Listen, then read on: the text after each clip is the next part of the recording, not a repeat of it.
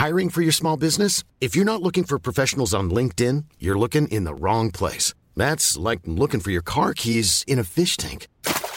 LinkedIn helps you hire professionals you can't find anywhere else, even those who aren't actively searching for a new job but might be open to the perfect role. In a given month, over 70% of LinkedIn users don't even visit other leading job sites. So start looking in the right place. With LinkedIn, you can hire professionals like a professional. Post your free job on linkedin.com slash people today. Hey, it's Ryan Reynolds, and I'm here with Keith, co-star of my upcoming film, If, only in theaters May 17th. Do you want to tell people the big news?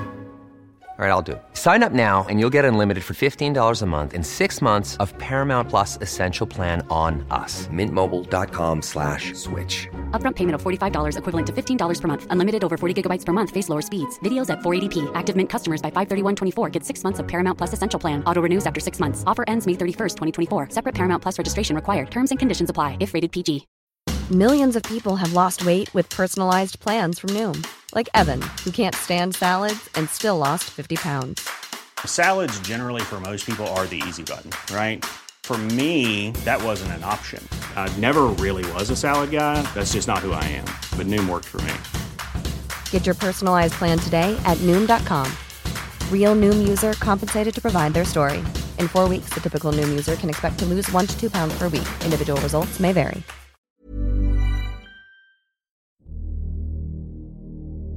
Den 8. mars 2014 forsvant Malaysian Airlines flight 370. 239 mennesker ble aldri sett igjen, og verden sto tilbake med et av tidenes største uløste luftfartsmysterier. At flyet hadde forulyktet sted, ble raskt avklart, men nøyaktig hvor og hvorfor er det fremdeles ingen som kan si helt sikkert. Men etter hvert som bevisene sakte, men sikkert begynte å dukke opp, har de samlet tegnet et skremmende bilde av hva som kan ha skjedd på MH370s siste flytur. I denne episoden vil jeg gå gjennom hendelsesforløpet, forsvinningen, leteaksjonen som fulgte, og teorier om hva som kan ha hendt, noen mer sannsynlige enn andre. Og helt til slutt skal jeg fortelle en historie satt sammen av de faktiske bevisene som er blitt avdekket de siste årene. Velkommen til Uløste mysterier.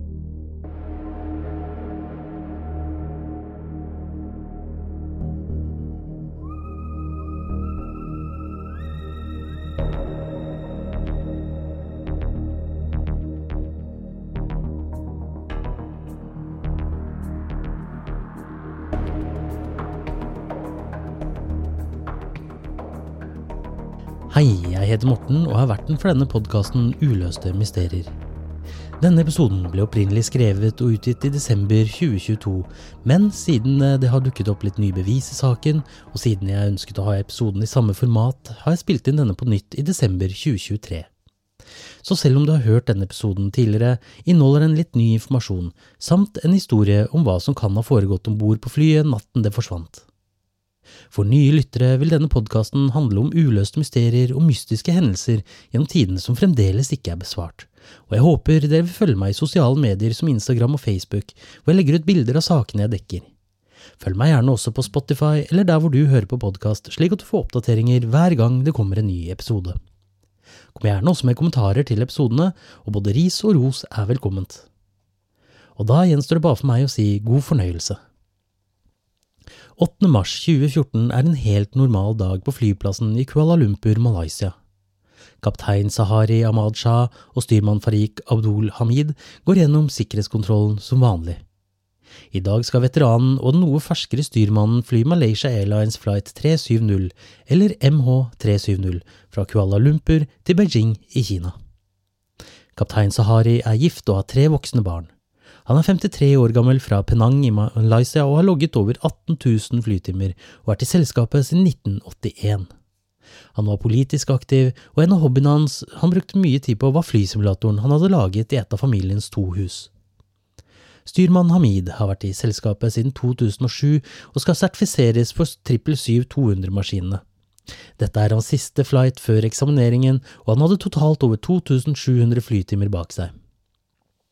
Alt virker normalt når crewet gjør klart den store Boeing 777-maskinen, og klokken 00.42 tar flyet av fra flyplassen med 227 passasjerer og 12 crew om bord, og begir seg ut på en reise som skal lede til et av moderne luftfarts største mysterier. Normalt skal denne flyturen ta ca. 5 timer og 50 minutter, og skulle etter planen lande i Beijing ca. klokken 6.30. Flyet hadde rundt 49 000 kilo drivstoff, noe som kunne gi det ca. 7 timer og 30 minutters flytid i tilfelle det måtte lande på en annen flyplass, eksempel grunnet dårlig vær. Det er blitt spekulert i om hvorvidt dette var en mistenkelig stor mengde drivstoff, men dette var noe Malaysian Airlines krevde. Det skulle alltid være mer drivstoff enn man strengt tatt trengte for å være på den sikre siden. MH370 ble klarert til 18 000 fot mot navigasjonspunktet Igari, som ligger omtrent midt imellom Malaysia og det sørlige Vietnam. Dette var en rute som flyvelederne kunne gi fly som en slags snarvei, og det spesielle med Igari er at punktet grenser til hele fem forskjellige luftrom, noe som er sjeldent på verdensbasis. De fem landene er Malaysia, Thailand, Kambodsja, Vietnam og Singapore, og denne endringen førte videre til skremmende følger senere. Stemmeanalyser gjort i ettertid har vist at styrmann Hamid kommuniserte med flykontrollen, eller ATC, altså Air Traffic Control, mens flyet var på bakken. Mens kaptein Sahari overtok kommunikasjonen med ATC etter at flyet hadde kommet til luften. Dette er opplysninger som kan være viktige for å finne ut hva som skjedde senere. Flyet stiger videre til marsjhøyde på 35 000 fot, og Sahari melder fra om dette til ATC, som bekrefter. Kort tid senere melder kapteinen nok en gang om at de hadde nådd marshøyden, og at ATC bekrefter igjen. Hvorfor Sahari gjorde dette den andre gangen, vites ikke. Han kan ha vært trøtt, ha glemt seg og ville forsikre seg om at meldingen var sendt, eller så kan det ha vært noe annet som gjorde han ufokusert. Klokken 01.19 bekrefter kaptein Sahari informasjonen om skiftet fra ATC i Kuala Lumpur til Ho Chi Minh i Vietnam, og han avslutter med de nå berømte ordene Good night Malaysian 370. Dette er det siste noen hører fra MH370. Klokken 01.22 mister Subang lufttrafikkontrollsenter i Kuala Lumpur radarkontakten med MH370 over Sør-Kina-havet. Etter planen skulle flyet kontakte ATC i Vietnam, men denne kontakten ble aldri opprettet. Militære radarer kunne derimot følge flyet, og man kunne se det endret kursen vest-sørvest over Malai-halvøya, over byen Penang, deretter ut over Andamanhavet. En time senere, ca. klokken 02.22, mister også militære radarkontakt med MH370. Militære radarer baserer seg på at de sender ut signaler som treffer objekter i luften. Signalene returnerer, og radaren viser objektet det traff. For å beregne posisjonen kan man eh, se for seg at man skyter en ball mot objektet. Tiden det tar for ballen å treffe objektet, for så å komme tilbake til utgangspunktet, beregner avstanden. I tillegg måles vinkel for å finne høyden. Hastigheten måles ved å benytte dopplereffekten, altså hvordan bølgelengdene endres, kort fortalt. Radarsignalene til ATC er derimot basert på at flyet har skrudd på transponderen eh, som sender signaler til ATC for å vise annet flyets posisjon. En transponder er en radiosender hvor piloten taster inn en firesifret transponderkode som de får oppgitt av ATC før avgang. Disse signalene har mengder av informasjon, som for eksempel flyets identitet, hastighet, høyde og kurs.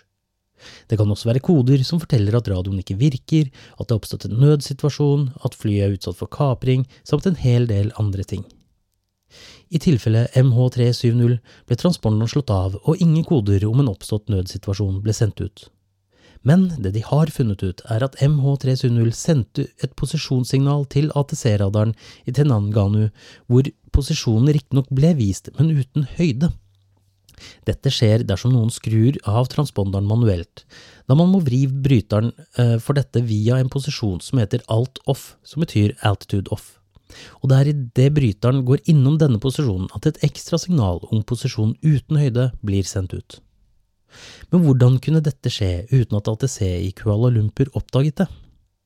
Det var så enkelt som at ATC var opptatt med annen trafikk og la rett og slett ikke merke til at flyet var borte fra hans radarskjerm. Da han la merke til det, antok han at flyet var blitt tatt over ATC i Ho Chi Minh, gitt en ny transponderkode og i tillegg var utenfor rekkevidde. Det ekstra signalet om at posisjonen ble vist uten høyde, var det ingen som la merke til på dette tidspunktet, da det varte kun noen få sekunder. Men Ho Chi Minh burde vel forstått at flyet ikke hadde dukket opp på radaren selv etter at Kuala Lumpur hadde gitt beskjed om overleveringen.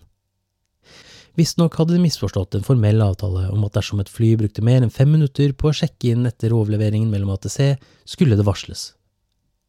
ATC i Ho Chi Minh brukte hele 18 minutter på å legge merke til at MH370 ikke hadde sjekket inn, forstå situasjonen og forsøke å kalle opp flyet uten å lykkes før de kontaktet Kuala Lumpur.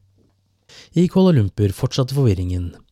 Ifølge data fra Acars var flyet visstnok over Kambodsja, noe som ikke ga mening.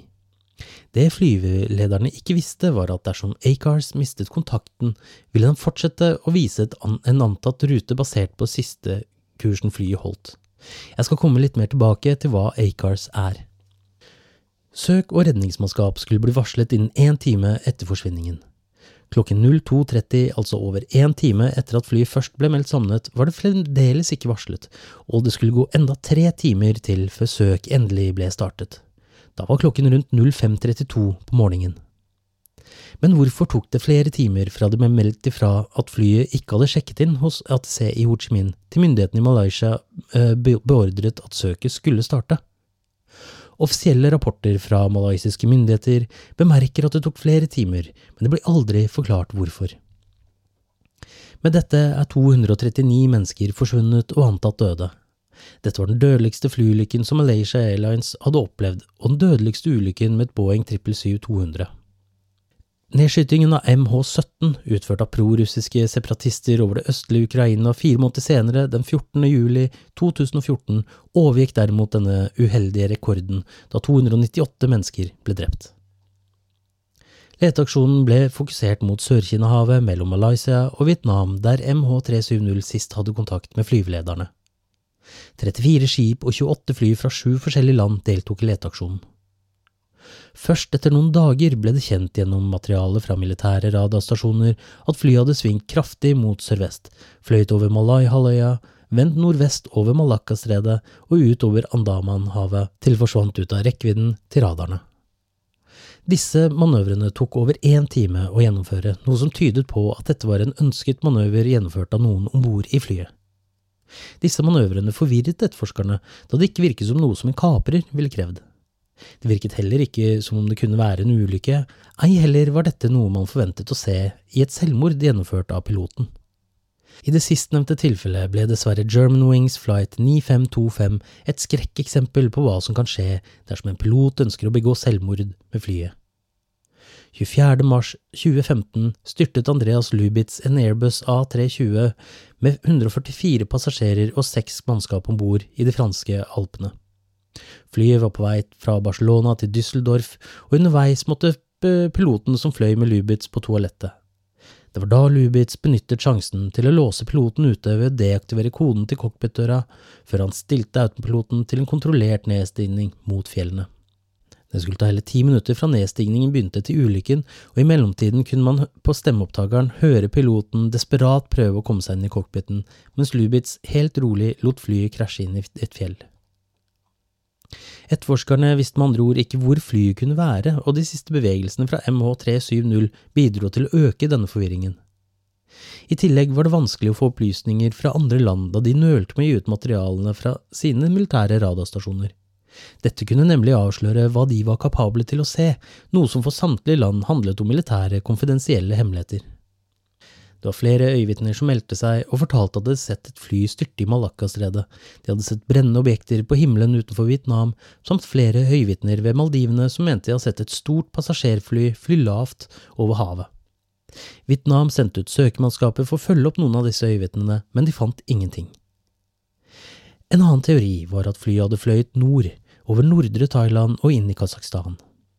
Dette ga også grobunn til konspirasjonsteorier om at flyet hadde blitt kapret og fløyet til Russland, hvor mannskap og passasjerer ble holdt som gisler, eller til og med regelrett henrettet av politiske årsaker. Men dette hadde krevd at eh, flyet hadde fløyet over tungt militært kontrollerte områder hvor det ville blitt oppdaget. Teorien ble dermed fort avskrevet, selv om konspirasjonsteorien fremdeles lever i beste velgående. En Boeing 777-maskin har mange avanserte systemer, annet noe som kalles ACARS, eller Aircraft Communications Addressing and Reporting System. Dette systemet sender informasjon om flyet, deriblant drivstoffnivå, vedlikeholdsinformasjon og posisjon via et kommunikasjonssystem som kalles SATCOM, fra flyet til satellitter, og videre ned til bakkestasjoner. Satellittene er eid av et telekommunikasjonsselskap kalt Inmarsat, og formålet med systemet er at teknikerne skal kunne ha oppdatert informasjon om flyets funksjoner når det skal til vedlikehold. Den siste statusoppdateringen ble sendt fra flyet klokken 08.19 og ble automatisk besvart av bakkestasjonen som sendte en bekreftelsesmelding tilbake. Neste gang bakkestasjonen forsøkte å sende en forespørsel om statusoppdatering ca. 09.15, svarte ikke flyet. Man kan dermed med sikkerhet si at flyet styrtet i havet på eh, et eller annet tidspunkt mellom 08.19 og 09.15. På denne måten klarte etterforskerne å spore den trolige ruten til MH370 i sydlig retning over Indiahavet. Men selv om de hadde klart å spore hvilken retning flyet hadde fløyet, var søkeområdet likevel enormt stort. I utgangspunktet var søkeområdet på hele 7,68 millioner kvadratkilometer. Dette området var så stort at man kunne plassere nesten to milliarder 777-200-fly der. Det var til sammenligning noen hundre kvadratmeter større enn hele Australia. Senere, ved hjelp av Inmarsat-dataen, ble dette redusert til omtrent 305 000 kvadratkilometer i et svært ugjestmildt område med høy sjø, mye vind og store dyp. Det ble brukt satellitter for å søke etter vrakgods, og selv om det ble oppdaget noe av satellittene, ble ingenting funnet av skip eller fly. Mellom 4. og 17. april ble det søkt med eh, skip og sonar etter de sorte boksene. De sorte boksene, eller black box som de kalles på engelsk, er to oransje enheter, som tar opp stort sett alt som skjer med flyet og i cockpit. Cockpit Voice Recorder, eller CVR, tar opp samtaler eh, mellom piloter og lyder i cockpit, som for eksempel alarmer. Flight Data Recorder, eller FDR, tar opp alle elektroniske signaler som går gjennom flyet, samt hastighet, høyde, bevegelser etc. Disse oppdagerne kan tåle krefter opp til 3400 G og temperaturer på over 1000 grader celsius. De kan også tåle trykk ned til 6000 meters dyp. For å oppnå 3400 G må man akselerere fra 0 til 120 000 km på ett sekund. Både CVR og FDR-opptakerne er uhyre verdifulle for etterforskerne, og holder nøkkelen til hva som skjedde med MH370, men selv om disse sendte ut et signal de første 30 dagene, ble de aldri funnet. Størrelsen på leteområdet har endret seg flere ganger gjennom årene, og etter å ha søkt gjennom 120 000 kvadratkilometer av både havoverflate og havbunn uten å finne noe, er det neste søksområdet på kun 19 000 kvadratkilometer, hvor de kanskje skal begynne søk i 2024 etter nye opplysninger dersom malaysiske myndigheter godkjenner søket. Disse opplysningene skal jeg komme tilbake til mot slutten. Tidlig på morgenen den 29. juli 2015 var 46 år gamle Johnny Beguet nede på stranden på øya Reunion øst for Madagaskar og litt sørvest for Mauritius for å rydde. Han er med i en gruppe som arbeider for å holde området rent for tropiske busker. Her får han øye på noe som virker uvanlig i forhold til hva som ellers pleide å skylle inn på stranden. Han vet ikke helt hva denne gjenstanden er, men han forstår fort at eh, dette er noe som har tilhørt et fly og kontakter myndighetene. Det viser seg å være en flapperon tilhørende en Boeing 777. En flapperon er en kontrollflate på bakre kant av vingen på flyet. Normalt er det balanseror på ytre del av vingen og flaps på indre del av vingen. Siden det kun er ett 777-fly som har eh, forsvunnet over eh, et hav på den sydlige halvkule, kan man fort slå fast at denne delen må ha tilhørt MH370. Senere blir det også funnet flere vrakrester langs strender i Mosambik, Tanzania, Sør-Afrika, Reunion og Mauritius som kobles til MH370 ved hjelp av enten serienummer eller hvilken flytype vrakdelen har tilhørt.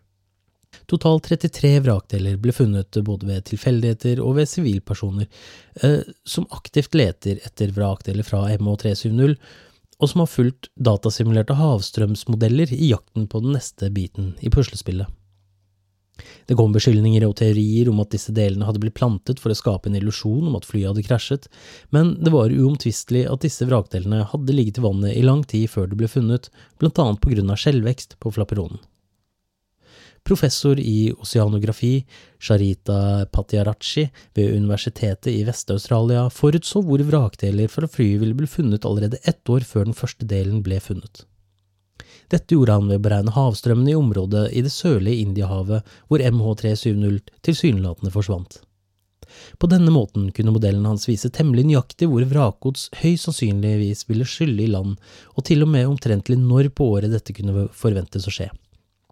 Dette avkrefter også teorien om at flyet gikk ned nær Maldivene, da havstrømmene ikke ville ledet vrakgodset dit de er funnet, samt at det ikke er funnet noe i nærheten av øygruppen, i Sør-India eller på Sri Lanka eller i Indonesia. Det samme gjelder for eh, teorien om at flyet skal ha gått ned i Sør-Kina-havet. Ingen av de syv landene rundt har funnet en eneste vrakdel tilhørende MH370 eller en 777. Den eneste konklusjonen ifølge professor eh, Patiarachi er at flyet gikk ned i Sør-Indiahavet og støtter dermed oppunder bevisene fra Inmarsat-signalene. Det er også eh, for øvrig basert på disse bevisene at datamodellen ble laget.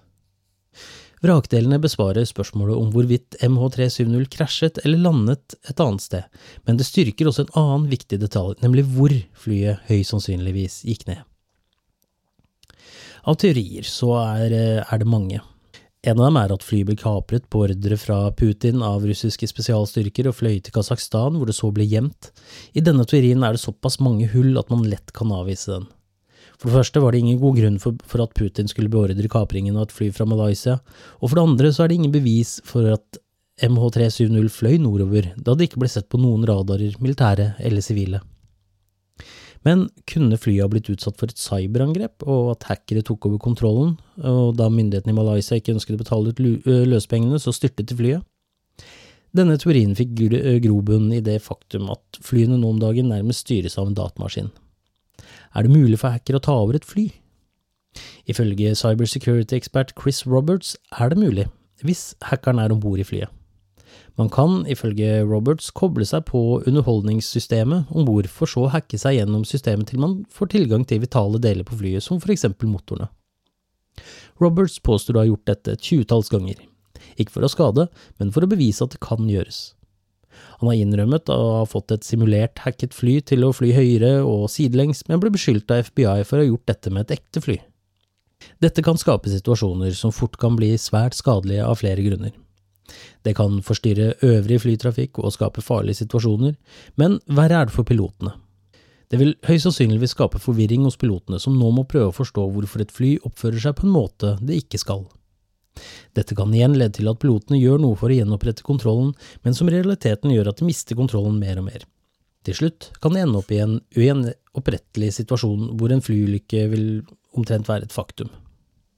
Når dette er sagt, må det nevnes at det aldri er bevist at Roberts, eller noen andre for den saks skyld, har klart å hacke et fly. En stor del av årsaken er, ifølge Boeing, at de vitale delene til flyet ikke er på det samme nettverket som for eksempel underholdningssystemet. Men ifølge hackere skal dette i teorien la seg gjøre dersom man er på samme nettverk som flyet, altså at man er passasjer. Teoretisk sett kan det være mulig å hacke en uh, eh, 777, men det gir litt mening at en anonym hacker som sitter om bord i et fly, er villig til å styrte det dersom hen ikke får gjennom kravene sine.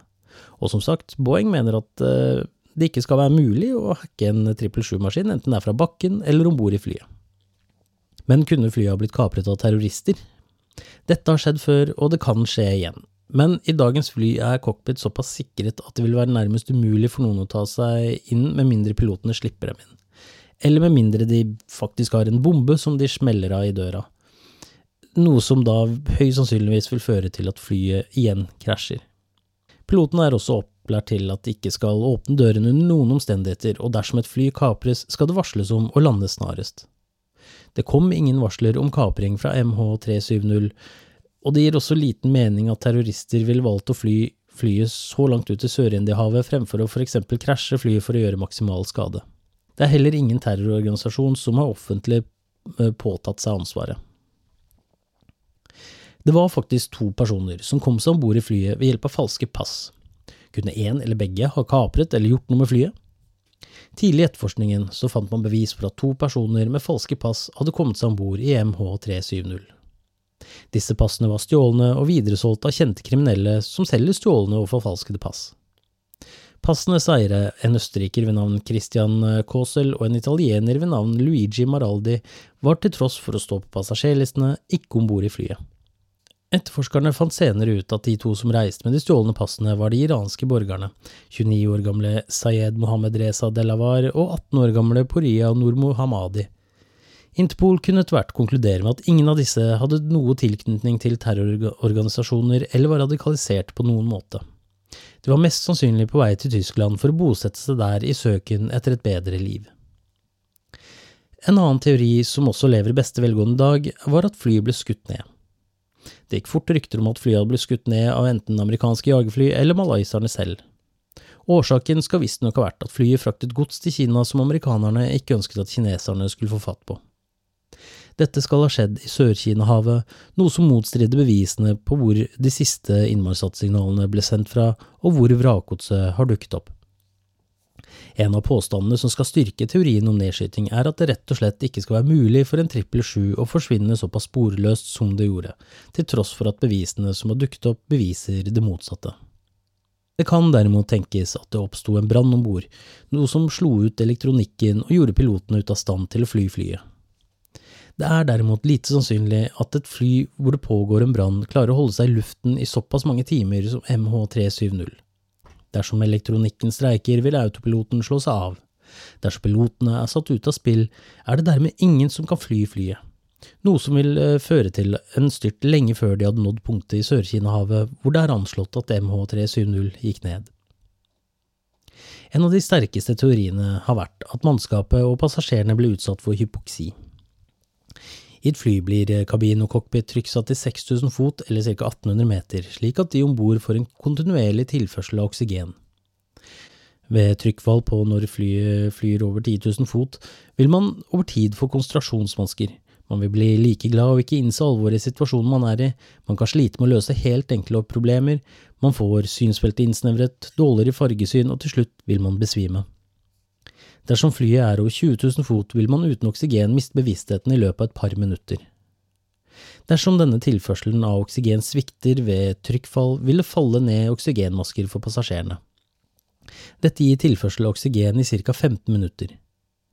Pilotene har også oksygenmasker de kan ta på seg som gir tilførsel av oksygen i ca. 30 minutter, slik at de rekker å få overblikk over situasjonen og få flyet ned til under 10 000 fot, hvor oksygennivået er akseptabelt. Det var hypoksi som rammet Helios Airways flight 522. Dette flyet var på vei fra Larnaca på Kypros til Praha i Tsjekkia med en planlagt mellomlanding i Aten, Hellas. Like etter takeoff meldte pilotene om et problem med luftanlegget på flyet, før de meldte ifra om flere feilmeldinger og alarmer. Til tross for dette fortsatte pilotene å stige mot marsjhøyde da de misforsto alarmene og trodde dette dreide seg om en feilkonfigurasjon som gjaldt takeoff. Før takeoff hadde bakkemannskaper undersøkt feilmeldinger som omhandlet ising på innsiden av den ene døren. Feilsøkingen ble gjennomført eh, ved at det ble eh, simulert en trykkendring i kabinen. Dette gjør man ved å vri en bryter som styrer lufttrykkssystemet fra auto til manuell. Denne bryteren ble aldri stilt tilbake til auto, og pilotene la heller ikke merke til at den sto feil ved tre tilfeller hvor de burde ha oppdaget dette, nemlig ved pre-flight-prosedyren, etter oppstart og etter takeoff. Selv om ingeniøren som utførte testene spurte pilotene som nå eh, forsøkte å feilsøke problemene de var i, om denne bryteren sto i auto, klarte de ikke å oppfatte dette, da de allerede var rammet av hypoksi. Flyet fortsatte som et spøkelsesfly på autopilot helt til det gikk tom for drivstoff. Rett før flyet styrtet, kunne F-16-piloter som eskorterte spøkelsesflyet, se bevegelser i cockpit. Det har senere vist seg å være flyvert Andreas Prodromu, som hadde klart å holde seg ved bevissthet. Han og kjæresten hans, som var en flyvertinne, forsøkte å ta kontroll over flyet, men dessverre hadde det gått for lang tid. Motorene stoppet, og flyet begynte å miste høyde med retning Aten. Selv om Andreas ikke hadde noe forutsetning for å kunne redde flyet og de om bord, klarte han å styre flyet vekk fra Aten, slik at det i stedet krasjet i fjellene nær Grammatico, kun 40 km fra Aten. Alle de 121 passasjerene og mannskapet ble drept. Er det dette som har skjedd med MH370? Kan de merkelige kurskorreksjonene etter at flyvelederne mistet kontakten være et resultat av hypoksi? Dette var på et tidspunkt en av de ledende teoriene om hva som eh, skjedde, og den teorien eh, malaysiske myndigheter støttet seg til, men det skal vise seg å komme ny informasjon som svekker denne teorien. Den mest skrekkelige, og også den mest troverdige teorien om hva som skjedde med MH370, er derimot at en av pilotene kapret flyet. På forhånd vil jeg understreke at ingenting er fastslått om pilotenes skyld i dette mysteriet til tross for sterke indisier, men jeg skal fremdeles gå gjennom bevisene og påstandene som er lagt frem rundt denne teorien. La oss gå tilbake til klokken 01.22 den 8. mars 2014. Kaptein Sahari har nettopp sagt god natt til flyvelederen i Kuala Lumpur og skal melde seg for flyvelederen i Ho Chi Minh. I stedet for å melde seg ble transponderen til flyet skrudd av, og det ble sendt et ekstra posisjonssignal uten høydeinformasjon idet bryteren gikk til alt off. Dette gjør at sivile radarer ikke lenger kan se MH370 på radaren, da de er avhengig av radiosignalet transponderen sender ut. Det kan selvsagt ha vært en elektronisk feil på flyet som gjorde at den slo seg av, men det er ingenting som tyder på at flyet ble rammet av svikt i elektronikken. I tillegg ville ikke posisjonssignalet uh, uten høydeinformasjon bli sendt ut uh, dersom det var elektronikken som sviktet, da det kun kan skje dersom noen manuelt vrir bryteren via alt-off. Dermed styrker det teorien om at en av pilotene bevisst skrudde av transponderen for å skjule flyet av en grunn. Siden det var kaptein Sahari som sist snakket i radioen, antar man at det er han som satt bak spakene til siste slutt. Selv om transponderen er slått av, kan militære radarer fremdeles se flyet, og det viste seg i ettertid at flyet hadde gjort manøvre som kun kunne ha blitt utført av en pilot ved bevissthet. Men var kaptein Sahari ved full bevissthet? Led han av hypoksi og dermed i en forvirret tilstand satte en kurs for autopiloten som tok dem utover Sør-Indiahavet? Det er dette malaysiske myndigheter mener kan ha skjedd men det har i nyere tid dukket opp bevis som tilsier det motsatte. Kaptein Sahari var som nevnt eh, tidligere en erfaren kaptein som hadde over 18 000 flytimer. Man kan trygt si at flyving var livet hans. Hjemme i et av husene sine hadde han en sofistikert flysimulator som han hyppig benyttet seg av. Det var nettopp denne flysimulatoren som ga etterforskerne mistanken om at forsvinningen kunne dreie seg om en bevisst handling. Blant filene til simulatoren kunne etterforskerne sette sammen en flyrute som var svært lik den MH370 hadde endt opp med å fly, nemlig vestover ut Malakkastredet og sørover ut mot Sør-Indiahavet. Flere piloter som benytter seg av lignende simulatorer, sier at det ikke er unormalt at man flyr høyst unormale ruter i slike spill, og at selv om ruten var lik, eh, kan dette like godt ha vært en tilfeldighet. I tillegg er det også blitt påpekt at etterforskerne aldri fant én fil som hadde mm, tilsvarende kurs, men at det var satt sammen av flere forskjellige filer.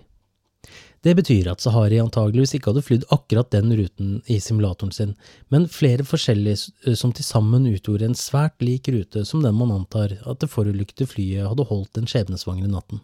Dette kan riktignok være tilfeldigheter, og hypoksi kan ha vært en av årsakene til at flyet fikk akkurat den kursen hadde kaptein Sahari i en fortumlet tilstand forsøkt å stille inn kursen tilbake til Kuala Lumpur, men bare klart å huske en av kursene han hadde plottet inn i simulatoren.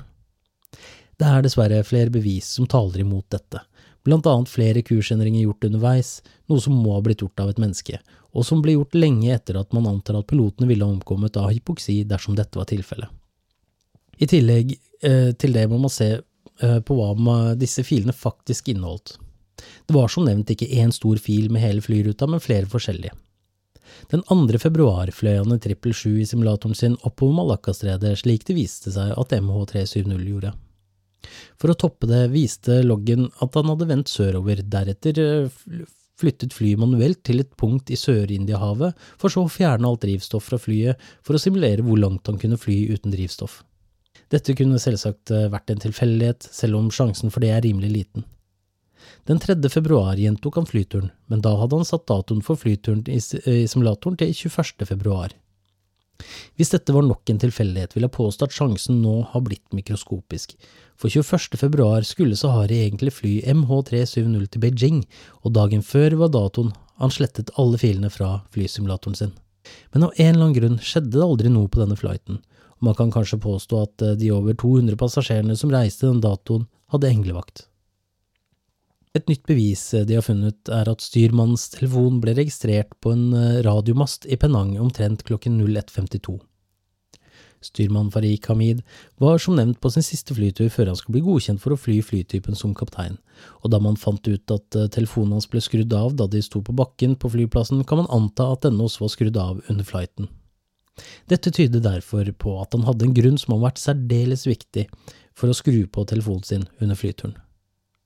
Det er blitt sagt at kaptein Sahari hadde stor gjeld, og at ekteskapet hans var i ferd med å oppløses. Dette har blitt motbevist av blant andre kona hans, som tvert imot har sagt at alt var bra i ekteskapet deres, og at økonomien var bra, eh, men han var jo også såpass bra at de kunne ha to boliger.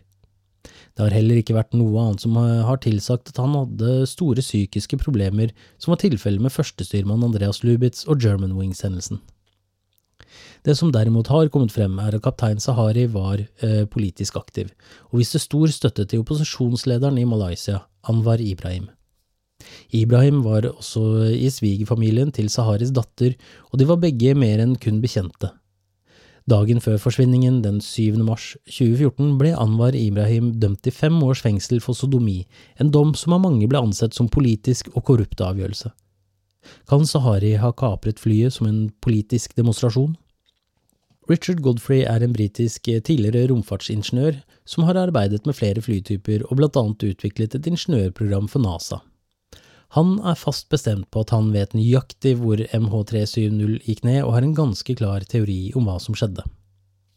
For å gi litt bakgrunn for hans teori må jeg fortelle om noe som kalles Whisper. WSPR står for Weak Signal Propagation Reporter, og er en protokoll implementert i et dataprogram som brukes i radiokommunikasjon med svakt signal mellom amatørradiooperatører. I 2021 undersøkte Godfrey historiske Whisper-datainformasjon for å fastslå ruten MH370 fløy. Dette gjøres enkelt forklart ved å undersøke når radiosignalene treffer noe i et visst område. I dette tilfellet var det området hvor MH370 angivelig fløy etter at radarkontakten ble brutt. Resultatet ble at Godfrey fant 518 datapunkter hvor signalene hadde truffet noe i dette området og det eneste objektet man vet høyst sannsynlig befant seg i området, er nettopp MH370. For å bekrefte disse nye opplysningene sammenlignet Godfrey informasjonen med dataen fra Inmarsat, Boeing og oceanografenes beregninger med de nye dataene fra Whisper. Eh, på denne måten har Godfrey klart å fastslå at MH370 høyst sannsynlig ligger på et område som har en radius på omtrent 40 nautiske mil, eller ca. 72 km. Men Godfrey oppdaget også noe annet som tidligere ikke har vært kjent. Rundt klokken 03.12 gikk MH370 inn i et holding pattern, altså at flyet flyr i ring over et visst område, rett utenfor Sumatra. Dette foregikk i 22 minutter før det fløy videre, noe som igjen forsterker teorien om at Sahari kapret flyet. En pilot kan riktignok programmere autopiloten til å gå inn i et ventemønster hvor flyet flyr i en ring, men en pilot må også aktivt ta flyet ut av dette mønsteret. Dersom man følger denne teorien, åpner det for en del videre spørsmål. Forhandlet Sahari med malaysiske myndigheter i disse 22 minuttene om eh, løslatelsen av Anwar Ibrahim? Var malaysiske myndigheter klar over kapringen og kravene før disse 22 minuttene, og at dette var siste sjanse for kravene til å bli innfridd? Var passasjerene og resten av mannskapet fremdeles i live på dette tidspunktet, eller hadde Sahari senket kabintrykket og gjort det slik at alle andre var bevisstløse og eller døde? Hva gikk i så fall så galt med forhandlingene at Sahari bestemte seg for å fly videre til sin og sine passasjerers sikre død? Eller var dette en politisk demonstrasjon uten noe mål om noensinne å lande flyet igjen? Jeg må understreke at Godfreys teori ikke har blitt bevist. Det er mange som betviler sannsynligheten i denne teorien, og at det i hele tatt er mulig å gjennomføre lokaliseringer på denne måten. Men jeg synes den var verdt å ta med, da den åpner for flere potensielle årsaker til hvorfor dette skjedde. Hvis vi setter sammen både bevis, indisier og teorier, får man fortsatt skremmende bilde om hva som kan ha skjedd på MH370. Jeg skal oppsummere det i en fortelling om hva jeg tror kan ha skjedd om bord. Rett før flyet nådde navigasjonspunktet Igari, ba Sari styrmannen om å hente litt kaffe til dem. De hadde tross alt en lang flytur midt på natten foran dem, og dette var ingen uvanlig forespørsel. Hamid sier seg helt enig og går ut av cockpit. Han snakket kanskje med flyvertinnen om bord mens de ordnet kaffe, muligens om at han snart skulle få være kaptein på en trippel syv selv om ikke lenge, eller kanskje om hverdagslige ting om hvor de skulle spise frokost eller lunsj dagen etter. For Sahari har første del av planen hans gått helt etter boken. Han hadde håpet på en direkterute til Agari, og da han fikk den fra ASTC, var det bare å iverksette resten. Han endret koden på den skuddsikre døra inn til cockpit, slik at styrmannen ikke kunne komme inn igjen før han skrudde av transponderen og alle andre kommunikasjonssystemer han kjente til. Dette var nemlig tidspunktet han hadde ventet på, nemlig da ingen på bakken fulgte med på flyet siden de tross alt skulle bytte flyvelederområde. Fra dette øyeblikket visste Sahari at flyet mer eller mindre var borte fra alles øyne, og at planen hans virket. Det neste han gjorde, var å skru av Satcom-systemet slik at Acars ikke kunne kommunisere med omverdenen. Han deaktiverte sikringene som sørger for at eh, motorene produserer strøm til systemer i flyet, deretter deaktiverte han Satcom og VHF-systemene. Dette bidro ikke bare til at flyet sluttet å kommunisere med verden, men det deaktiverte også satellittelefonene i kabinen, samt infotainmentsystemet til passasjerene slik at de ikke hadde noen mulighet til å verken ringe ut eller sende tekstmeldinger via flyets infotainmentsystem. Deretter skrudde Sahari av flyets lys, slik at det virkelig ble et spøkelsesfly som gled ubemerket gjennom natten. Og alt dette gjorde han i løpet av ett minutts tid. Han visste nøyaktig hva han skulle gjøre, og var godt forberedt på å gjennomføre planen sin. Men selv om Sahari nå hadde kontroll over flyet og sørget for at ingen kunne se de, hadde han et annet problem. Passasjerene og mannskapet om bord. Han visste at det bare var spørsmål om tid før Hamid kom tilbake til stengt dør, og da det skjedde, ville det gå kort tid før flere og flere om bord ville forstå hva som hadde skjedd. Dette hadde han derimot også planlagt nøye. Han visste at et menneske kunne holde seg bevisst i omtrent 45 sekunder på 35 000 fots høyde. Sahari trengte dermed kun å sørge for at all luften i den trykksatte kabinen forsvant. Han strakk seg ned til venstre og tok på seg oksygenmasken sin. Deretter strakk han seg til takpanelet og skrudde av lufttilførselen til kabinen. Deretter endret han bryterne for kabintrykket fra automatisk til manuelt. Mulig Sahari ventet et øyeblikk og tenkte gjennom det han var i ferd med å gjøre. Han visste at med en gang han gjennomførte det neste steget i planen sin, var det virkelig ingen vei tilbake. Dessverre for passasjerene og resten av mannskapet hadde han alt bestemt seg. Han åpnet to ventiler som sitter på undersiden av flyet, noe som førte til at all luft i kabinen ble sugd ut. I kabinen hørte passasjerene en høy lyd idet all luften ble sugd ut av kabinen. De som sov, våknet av den høye lyden, og alle kjente dotter i ørene idet trykket endret seg fra det samme man har på bakken, til det som tilsvarer 35 000 fot. Luften ble iskald, og oksygenmaskene falt ned fra taket, noe som sjokkerte passasjerene ytterligere. Sahari vet at passasjerene og mannskapet bak i kabinen desperat vil forsøke å få på seg oksygenmaskene. For å gjøre det vanskeligere for dem vred han stikka hardt til venstre, og de uten sikkerhetsbelte ble kastet til siden. Hamid ble kastet hardt i veggen bak byssa. Han forsto at noe alvorlig hadde skjedd, og han visste også at han kun hadde sekunder på å finne nødoksygenet mannskapet har tilgjengelig, før han selv ble bevisstløs. Men for Sahari var det ikke kun for å gjøre det vanskeligere for passasjerene å få oksygenet at han valgte å vrenge flyet så hardt til venstre. Han visste at han var nærme thailandsk luftrom, og ville for all del ikke havne i et luftrom han ikke var forventet å dukke opp i. For selv om han ikke var synlig på sekundærradarene ATC brukte, ville primærradarene til militæret fange han opp. Hele svingen tok omtrent to minutter, og Sahari hadde klart å snu flyet for å unngå å fly inn i thailandsk luftrom, og samtidig gjort det vanskelig for de i kabinen å få tak i oksygenet de desperat trengte. Han hadde riktignok en ny stor utfordring foran seg. Han var nå på vei over den malaysiske halvøya hvor planen var å fly langs grensen til thai og malaysisk luftrom. Håpet hans var at de som fulgte med på luftrommet i Malaysia ville anta at de i Thailand hadde kontroll på det ukjente flyet, og vice versa. Bak i kabinen hadde mannskapet behandlet situasjonen slik opplæringen deres tilsa. De beroliget passasjerene som nå hadde fått på seg oksygenmaskene, at det hadde vært et eh, fall i eh, kabintrykket, og at de snart skulle komme seg ned til en høyde hvor de kunne puste normalt. Passasjerene følte kanskje derfor at ting var noenlunde under kontroll siden flyet tross alt fløy kontrollert, men styrmannen Hamid forsto at ting aldeles ikke var slik det skulle. Han hadde fått på seg masken til en av de bærbare oksygenflaskene som mannskapet har tilgjengelig. Der hvor passasjerenes oksygen varer i 15-20 minutter, varer disse i 44 minutter, og siden de ikke fløy med fullt mannskap, var det mer enn nok oksygenflasker til mannskapet tilgjengelig. Grunnen til at passasjerene kun har opptil 20 minutter med oksygen, er at det skal være mer enn nok tid for pilotene til å få flyet ned under 10 000 fot hvor man kan puste uten oksygenmaske. Men Hamid merket at flyet ikke gikk ned mot lavere høyder. Han tok opp røret i kabinen og ringte cockpit, men fikk ingen svar. Man kan anta at det gikk kaldt nedover ryggen hans da han forsøkte å ringe nok en gang uten at Sahari svarte. Førstestyrmannen lurte nok på hva som foregikk. Hadde kapteinen mistet bevisstheten? Det ga ingen mening. Sahari var en meget erfaren og var til og med instruktør i simulatorer hvor han lærte nye piloter hva de skulle gjøre i nødsituasjoner nøyaktig slik som denne. Hamid gikk til cockpitdøren og tastet inn koden sin for å komme inn. Denne funket ikke, så i stedet tastet det inn en nødkode kabinpersonalet har. Denne koden fungerer på en slik måte at idet man taster den inn, tar det 30 sekunder før døren åpnes.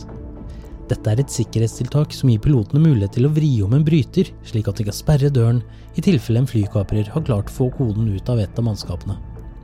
Nødkoden skal kun brukes dersom det mistenkes at piloten er satt ut av spill, og dermed var det denne koden Hamid nå forsøkte å bruke i den tro at Sahari var bevisstløs. Han tastet koden og ventet utålmodig. Etter å ha gått mer enn 30 sekunder ble han med ett om mulig enda mer bekymret. Han tastet koden eh, nok en gang i et vagt håp om at han hadde tastet feil den første gangen. 30 nye sekunder gikk, og det røde lyset på låsen var fremdeles rødt. Og i det øyeblikket gikk det opp for Hamid. Kaptein Sahari hadde aktivt nektet han adgang til cockpiten. Panikken begynte å sette inn, og han prøvde å dundre på døra med oksygentanken han hadde i armene, uten hell. Bak ham begynte passasjerene å gå tom for oksygen. Det samme gjaldt kabinpersonalet, som hadde satt seg ned i ledige seter blant passasjerene idet kabintrykket falt. Da oksygenet gikk tomt, mistet passasjerene fort bevisstheten.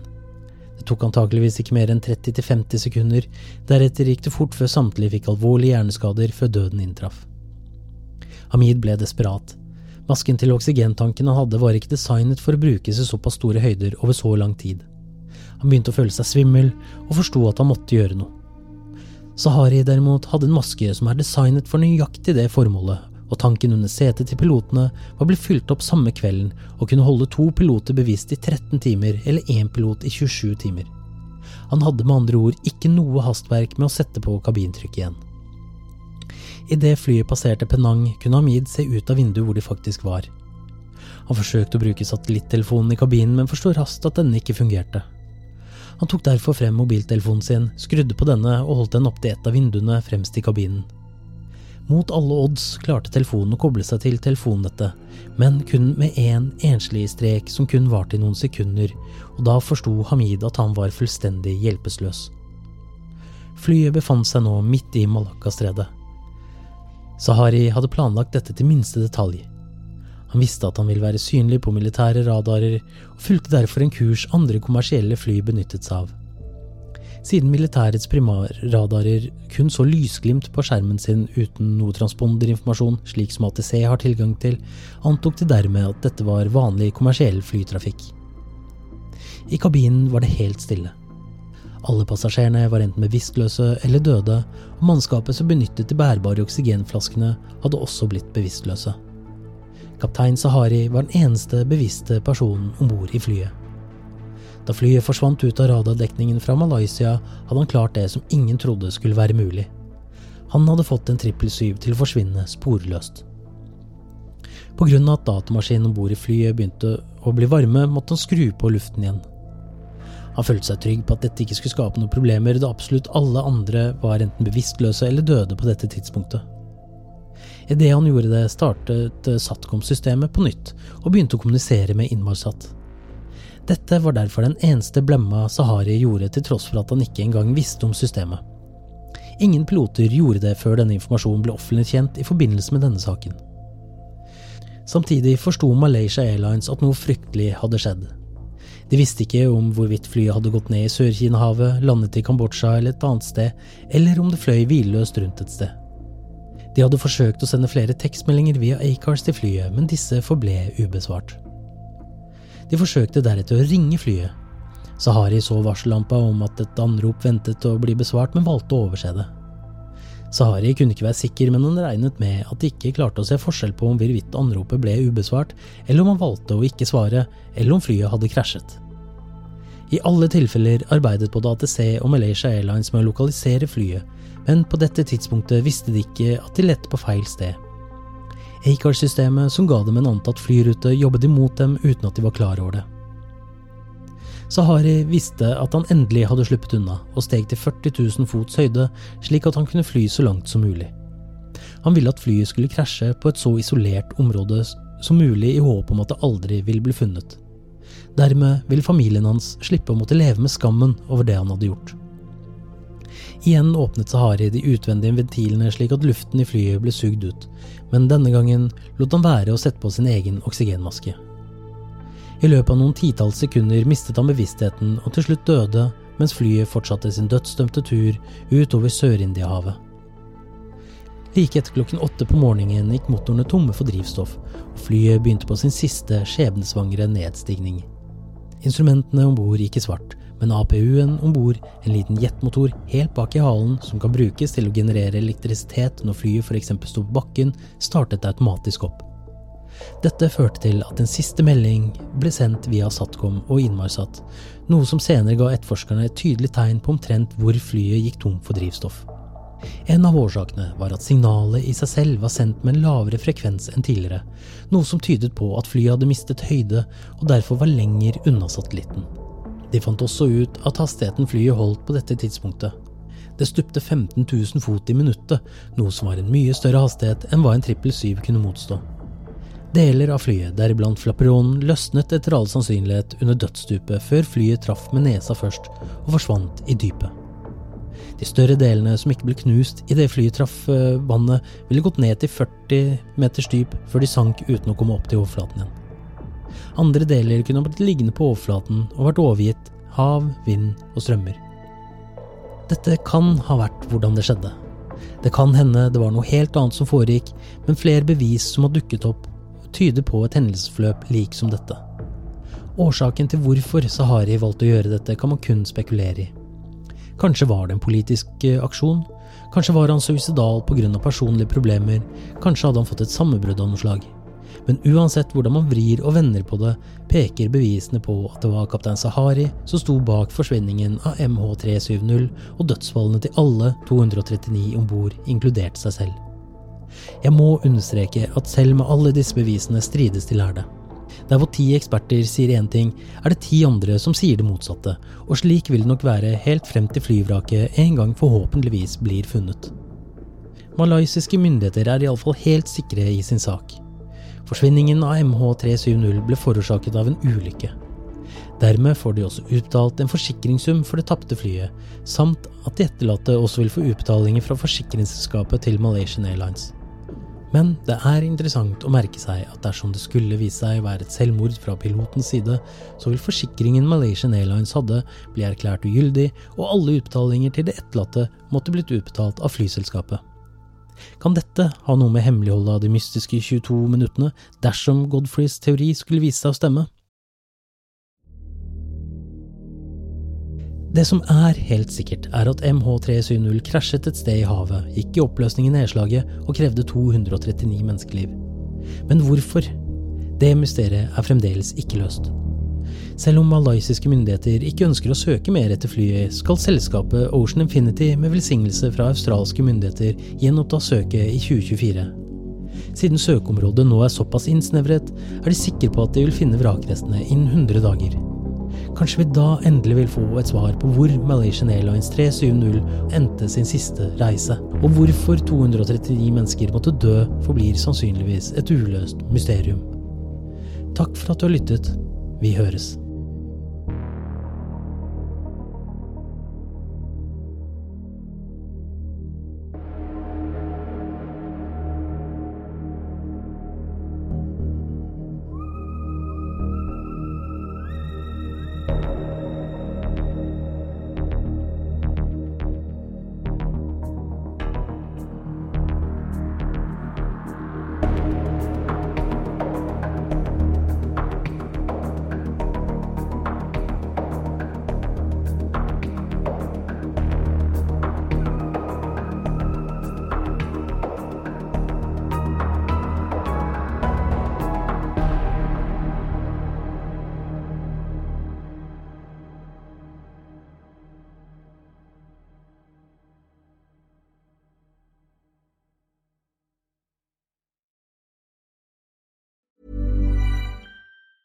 Planning for your next trip?